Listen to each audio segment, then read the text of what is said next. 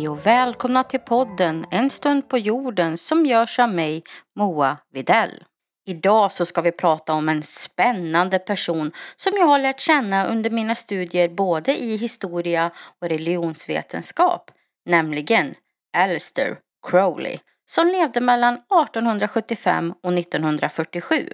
Han var en brittisk författare, en filosof, magiker och okultist vars liv och verk har lämnat ett outplånligt avtryck på okultismen och mystikens värld.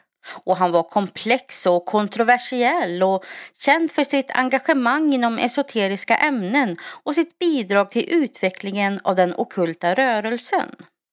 Crowley han föddes den 12 oktober i England och han föddes in i en förmögen familj. Men han avvisade sina föräldrars fundamentalistiska, kristna Plymouth-tro för att ägna sig åt ett intresse för västerländsk esoterism. Och redan i unga år så visade han intresse för mystik och okulta ämnen. Han studerade vid Trinity College i Cambridge och blev tidigt involverad i olika okulta sällskap inklusive den framstående hermetiska orden Golden Dawn. Crowley intresserade sig dock inte bara för etablerade, ordnade sällskap utan strävade också efter egna insikter och upplevelser inom magi och andlighet.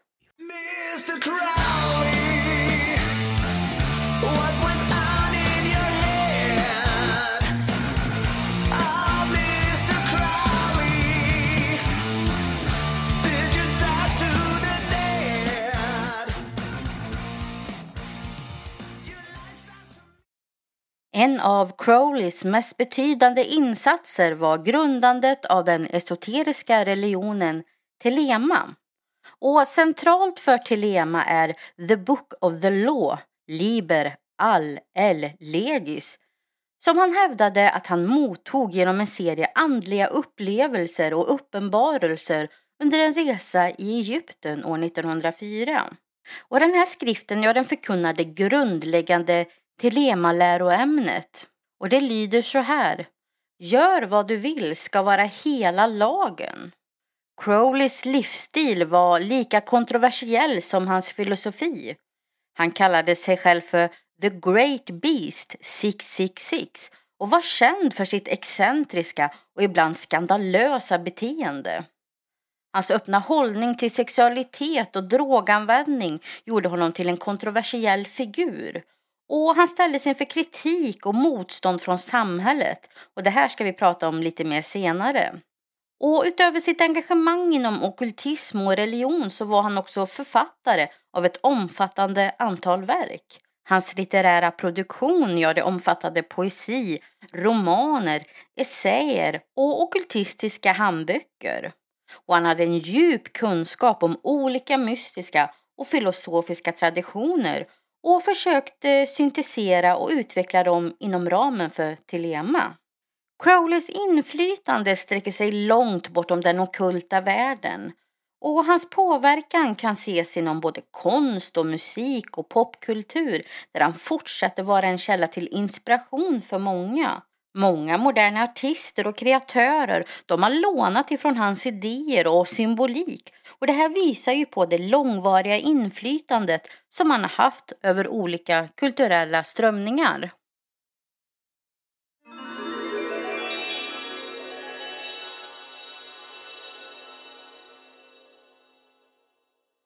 Crowleys religiösa system ja, det kom att utvecklas med tiden.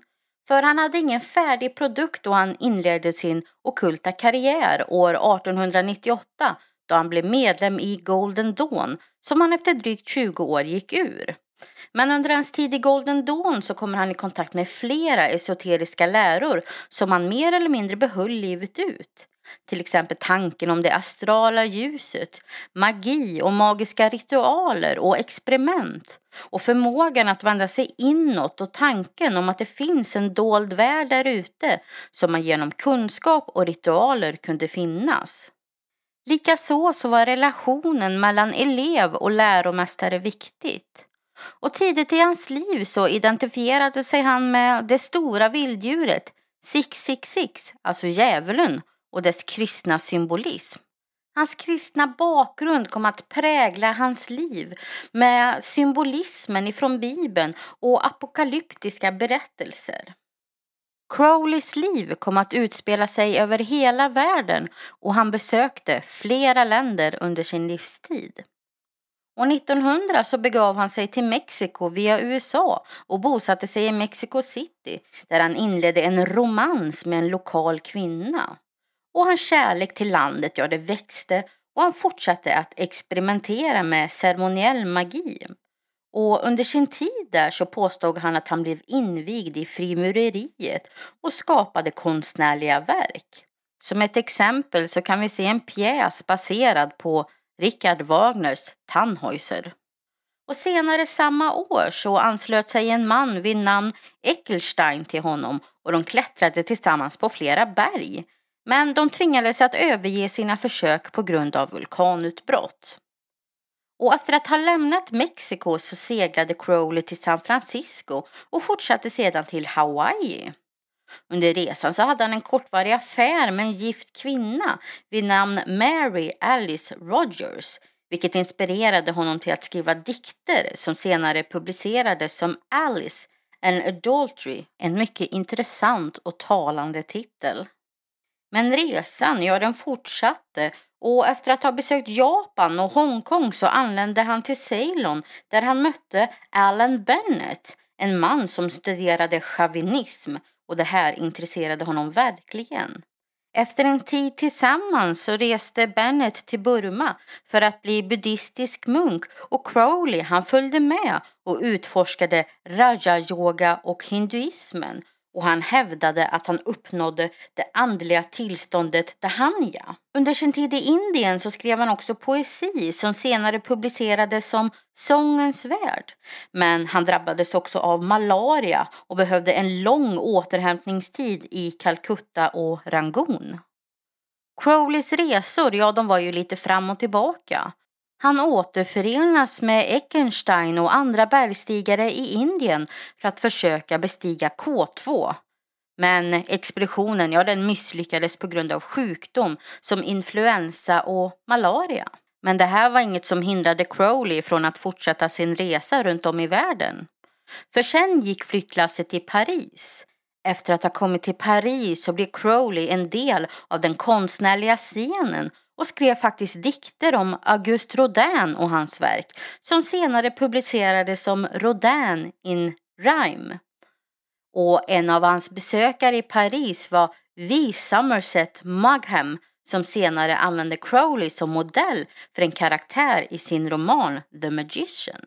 I Paris så gifte sig Crowley också med en kvinna som heter Rose Edith Kelly det var ett så kallat bekvämlighetsäktenskap så att Rose skulle slippa att bli bortgift med någon hon inte tyckte om. Och paret, ja, de verkade komma ganska så bra överens. Och under sin smekmånad så skrev Crowley kärleksdikter till henne och de här publicerades som Rosa Mundi och andra kärlekssånger. Och så skapade han den religiösa satiren Why Jesus Wept.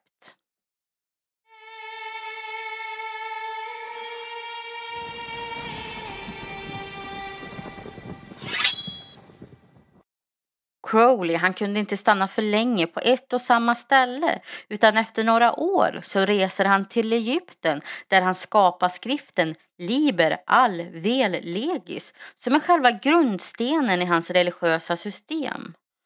Och han var tydligt influerad av Egypten och dess historia.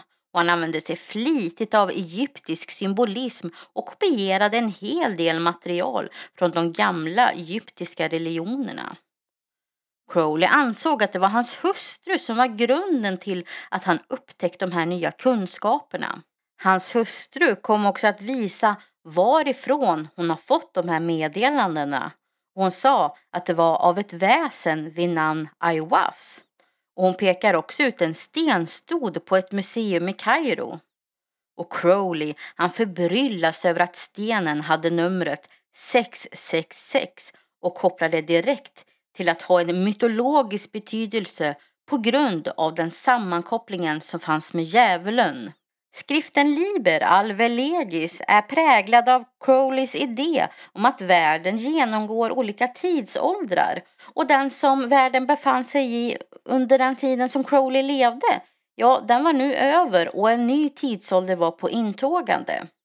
Den förra tidsåldern kallade han för Osiris och den nya för Horus. Och det här är ju två gamla grekiska gudar. Och Osiris, det var dödsguden och Horus symboliserade solen. Men den här skriften den kommer ligga i dvala ett antal år tills Crowley återupptäcker den och börjar att utveckla den. Och nu presenterar han flera aspekter som kommer att bli avgörande för hans religiösa system. Synen på den fria viljan, kosmologi, gudinnan Babylon, hans syn på sex, magi, sexmagi och dess dualistiska synsätt och den gnostiska mässan.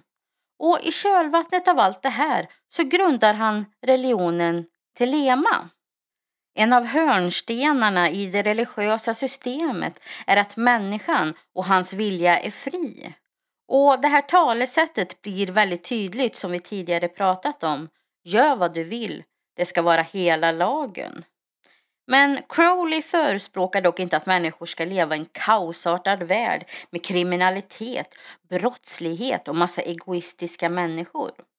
Med talesättet så menar han att man som människa med sin egen vilja och kraft ska söka efter de högre målen i livet. För inom varje människa så finns kapaciteten att uppnå högre dimensioner och det gudomliga, vilket också är själva essensen med Crowleys religiösa system. Och polaritet är också något som är viktigt för honom. I kosmos mellan gudar samt mellan manligt och kvinnligt. I kosmologin så presenterar han flera olika gudagestalter med olika egenskaper som ofta har koppling till olika element och ibland är dualistiska. Bland annat så tar han upp Aiwas som kom till dem med budskapet om den nya tidsåldern och som faktiskt kan liknas vid Lucifer. Och andra viktiga gudagestalter är Hadit, Nuit och Rahurquit och framförallt gudinnan Babylon. Och Babylon hon har många egenskaper, både bra och dåliga. Babylon är en frigjord kvinna som inte tyngs ner av någon annan, varken mentalt eller sexuellt. Vid sidan av den frigjorda gudinnan så är hon också en symbol för Moder Jord och dess fertilitet. Och att förenas med Babylon, ja det anser Crowley vara det högsta målet. Och Babylon hon är också sammankopplad med Horus vars mål är att finna frälsning med hjälp av den fria viljan. Och som jag tidigare nämnt så är polaritet och dualismen en viktig del av hans religiösa system, alltså det som blev Telema. Babylon hon står för det feminina medan gudagestalten Horonson står för det manliga. Horonson han är mer egocentrisk och fokuserar mer på sig själv medan Babylon ses som en mer öppen, obegränsad och universell i sitt verkningssätt. I Crowleys gnostiska mässa så syns polariteten mellan kvinna och mannen tydligt på prästen och prästinnan som har olika roller som speglar just det maskulina och feminina. Trots att det florerade flera rykten om att Crowley skulle vara homosexuell så höll han fast vid vikten av de här fasta könsnormerna i sina ritualer och i sitt religiösa system.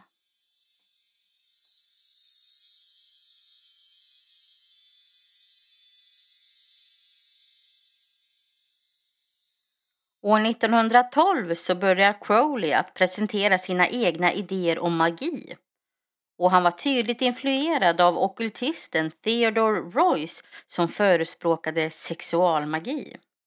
För Crowley så innebar de magiska riterna ett försök att uppnå mål som man faktiskt inte kunde uppnå på konventionella sätt. Till exempel genom att förändra saker i naturen. Och den viktigaste faktorn i hans magiska utförande var att skapa just en förändring, antingen inom sig själv eller utanför. Dock så kom hans magi att handla mer om kroppens inre och dess utveckling. Och genom olika ritualer och främst via sex så ansåg han att det gick att uppnå visdom och klättra upp på stegen som ledde till den slutliga visdomen. Och i ritualen så kunde man kommunicera med andra dimensioner samt länkar mellan olika universum, ja de kunde öppnas.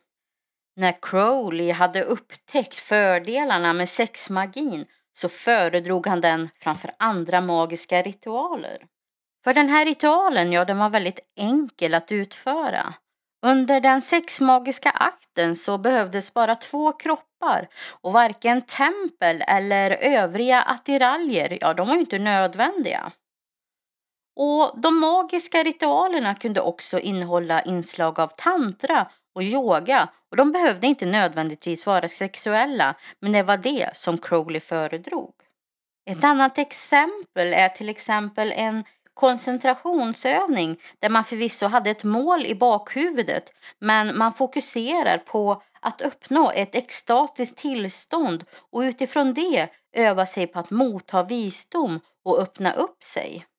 1912 så presenterade Crowley också sin bok The Book of Lies ett verk inom mystiken som beskrevs av kritiker som hans mest imponerande prestation där han förenade sina talanger som poet, forskare och magiker. Men senare så anklagade den tyska okultismen Theodor Ross Crowley för att ha avslöjat vissa hemligheter från sin egen okulta orden Ordi Templi Orientis eller OTO som jag kommer att kalla det.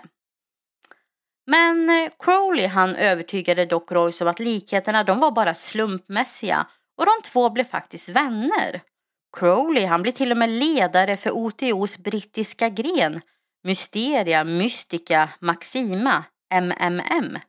Och vid en ceremoni i Berlin så antog Crowley det magiska namnet Baphomet och fick titeln Ex Supreme Rex och Sovereign Grand Master General of Ireland Iona and Britain.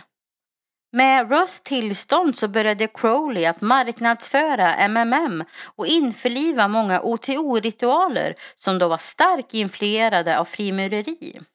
Och han införlivade också de telemiska elementen och skapade kontrovers inom gruppen. Crowley han var mycket fascinerad av OTOs sexmagi och kom så småningom också att utveckla den. Men med hänsyn till mina lyssnare så kommer jag inte att gå in mer i detalj på vad just den handlade om.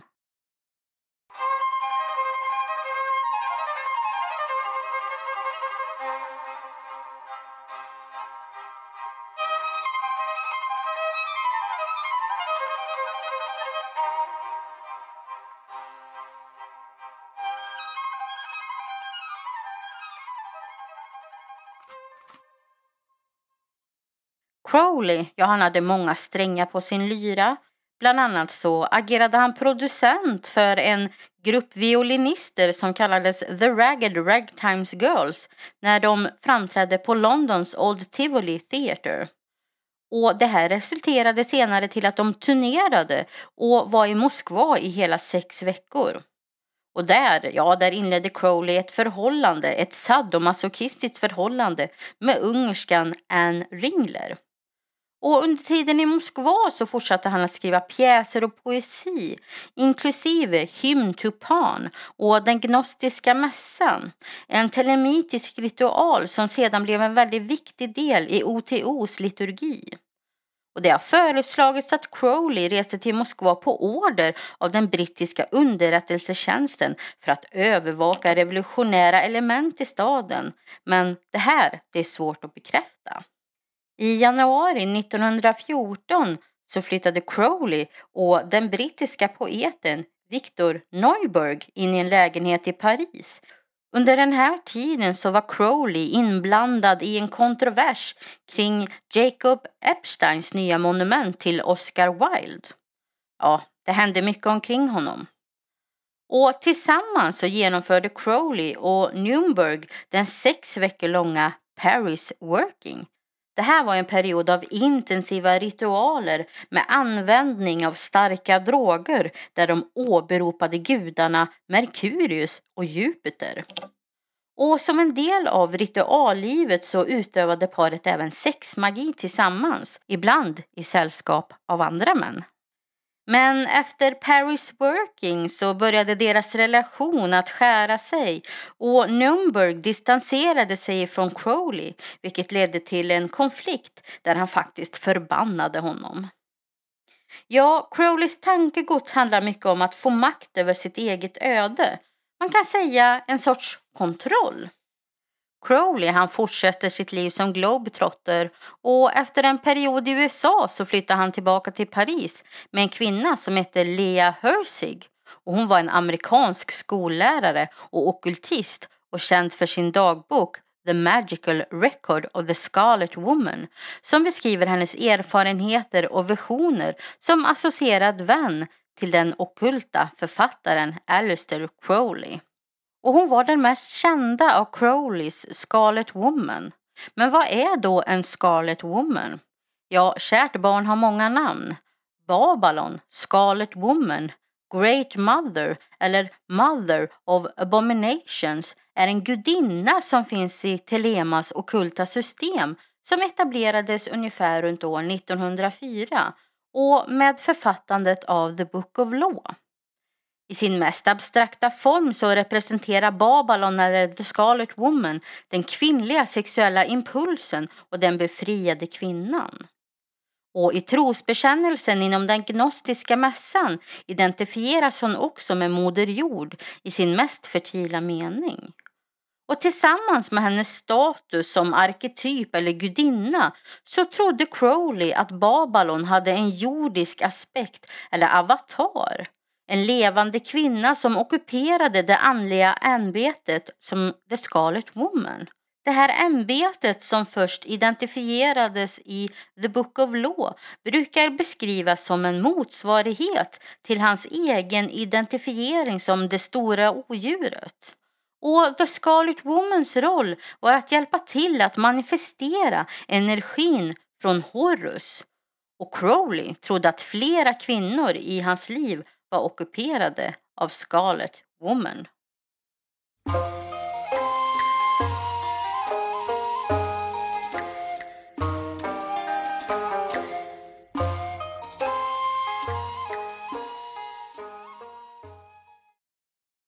Crowley han hade storslagna idéer och ville bilda en gemenskap av telemiter som han kallade för Telemaklostret. Efter att både ha sett och hört sig omkring en del i världen så valde han platsen Sicilien där han kom att hyra en gammal villa som blev hans kloster. Och Crowley han beskrev det här scenariot som att han var perfekt lycklig och det här var min idé om himlen. Och Crowley och hans anhängare, ja de bar klädnader och utförde ritualer för solguden Ra vid bestämda tider under dagen. Och man utförde också ibland den gnostiska mässan. Men resten av dagen så fick de följa sina egna intressen. Och sex och droger, ja det flödade fritt. Och Crowley gjorde omfattande korrespondenser, ritualer och fortsatte att måla under den här tiden. Och han skrev en kommentar till The Book of Law och reviderade den tredje delen. Och Crowley, ja, han erbjöd en libertinsk utbildning för barnen så att de kunde leka hela dagarna och faktiskt bevittna sexmagi. Och då och då så reste han in till Palermo för att besöka lokalbefolkningen och köpa förnödenheter, inklusive droger. För hans heroinmissbrukande kom att dominera hans liv och kokainet, ja, det började erodera hans näshåla. Faktum är att det mesta var kaos på området. Det fanns till exempel inga städrutiner och vilda djur och hundar och katter. De vandrade runt i byggnaden, vilket snart blev väldigt ohälsosamt. Men trots detta så fortsatte nya anhängare att anlända till klostret för att undervisas av Crowley. En av dem var bland annat filmstjärnan Jane Wolfe som anlände 1 juli 1920 där hon blev invigd i klostret och blev Crowleys sekreterare. En annan var Cecil Frederick Russell och han bråkade ofta med Crowley för att han ogillade den sexuella magi av samma kön som han var tvungen att utföra i ritualer och han lämnade faktiskt efter bara ett år. Men mer gynnsam var australiensaren Thelemite Frank Bennett som också tillbringade flera månader i klostret. Men livet var inte helt lätt för Crowley. Och år 1922 så återvänder han till Paris för en reträtt i ett misslyckat försök att bli av med sitt heroinmissbruk. Efter det så åkte han sedan till London på jakt efter pengar där han publicerade artiklar i The English Review som kritiserades Dangerous Drug Act. Under tiden i klostret så skrev han en roman, Diary of a Drug Friend, som vid publicering fick väldigt blandade recensioner. Till exempel av Sunday Express som krävde att den skulle brännas och använde sitt inflytande för att förhindras att den trycktes om. Även om klostret var inne på sin sista vers så kom det ändå fortfarande nya medlemmar. Bland annat så flyttade en ung man vid namn Raoul Loveday till klostret med sin fru Betty May. Och medan Loveday dedikerade sig åt Crowley så avskydde May honom och livet på klostret. Och hon hävdar senare att Loveday fick dricka blodet av en offrad katt och att de var tvungna att skära sig med rakhyvlar varje gång de använde pronomet ja. Stackars Raul, ja han drack ur en lokal och förorenad bäck och utvecklade snart en leverinfektion som resulterade i hans död februari 1923. Och när frugan återvände till London så berättade hon sin historia för pressen och motståndare, ja de utropade Crowley till den ondskefullaste mannen i hela världen och en man man skulle vilja hänga. Det framfördes många olika anklagande och förtal gentemot Crowley och berättelserna de plockades upp av tidningar både i Nordamerika och i hela Europa. Och till slut så fick Benito Mussolinis fascistiska regering reda på hans verksamhet och i april 1923 fick han ett utvisningsbesked som tvingade honom att lämna Italien. Och utan Crowley, ja då fanns det inget kloster och det tvingades att stänga.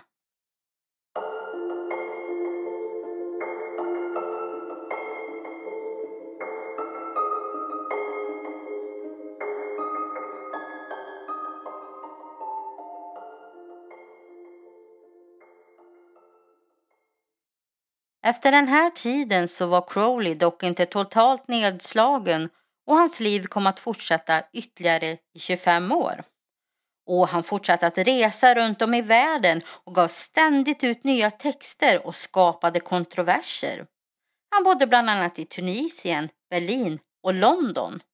Men skulle vi gå in mer på detaljerat hur hans religiösa system utvecklades och alla händelser som han var med om så hade vi nog behövt en hel poddserie om honom. För som ni har förstått så händer det alltid något intressant i Crowleys liv. Men nu hoppar vi fram till slutet av Crowleys liv. För den 1 december år 1947 dog Crowley i Netherwood av kronisk bronkit 72 år gammal. Och det blev också kontroversiellt. Hans begravning hölls vid ett krematorium i Brighton den 5 december. Ett dussintal personer deltog och Louis Wilkinson läste ett utdrag ur den gnostiska mässan och lagboken och Hymn to Pan. Själva begravningen skapade en presskontrovers och stämplades av tabloiderna som en svart mässa. Crowleys kropp kremerades sedan och hans aska skickades till Carl Germer i USA som begravde den i sin trädgård i Hampton, New Jersey. Men hans arv lever vidare genom de många som fortfarande studerar och praktiserar telema samt de som finner inspiration i hans idéer och filosofi. Och Crowley kom att påverka flera okulta sällskap under de senaste hundra åren och gör det än idag. Oavsett ens personliga åsikter om Alistair Crowley och hans livsstil så är det svårt att förneka hans betydelse som inflytelserik figur inom okultismen och mystikens historia.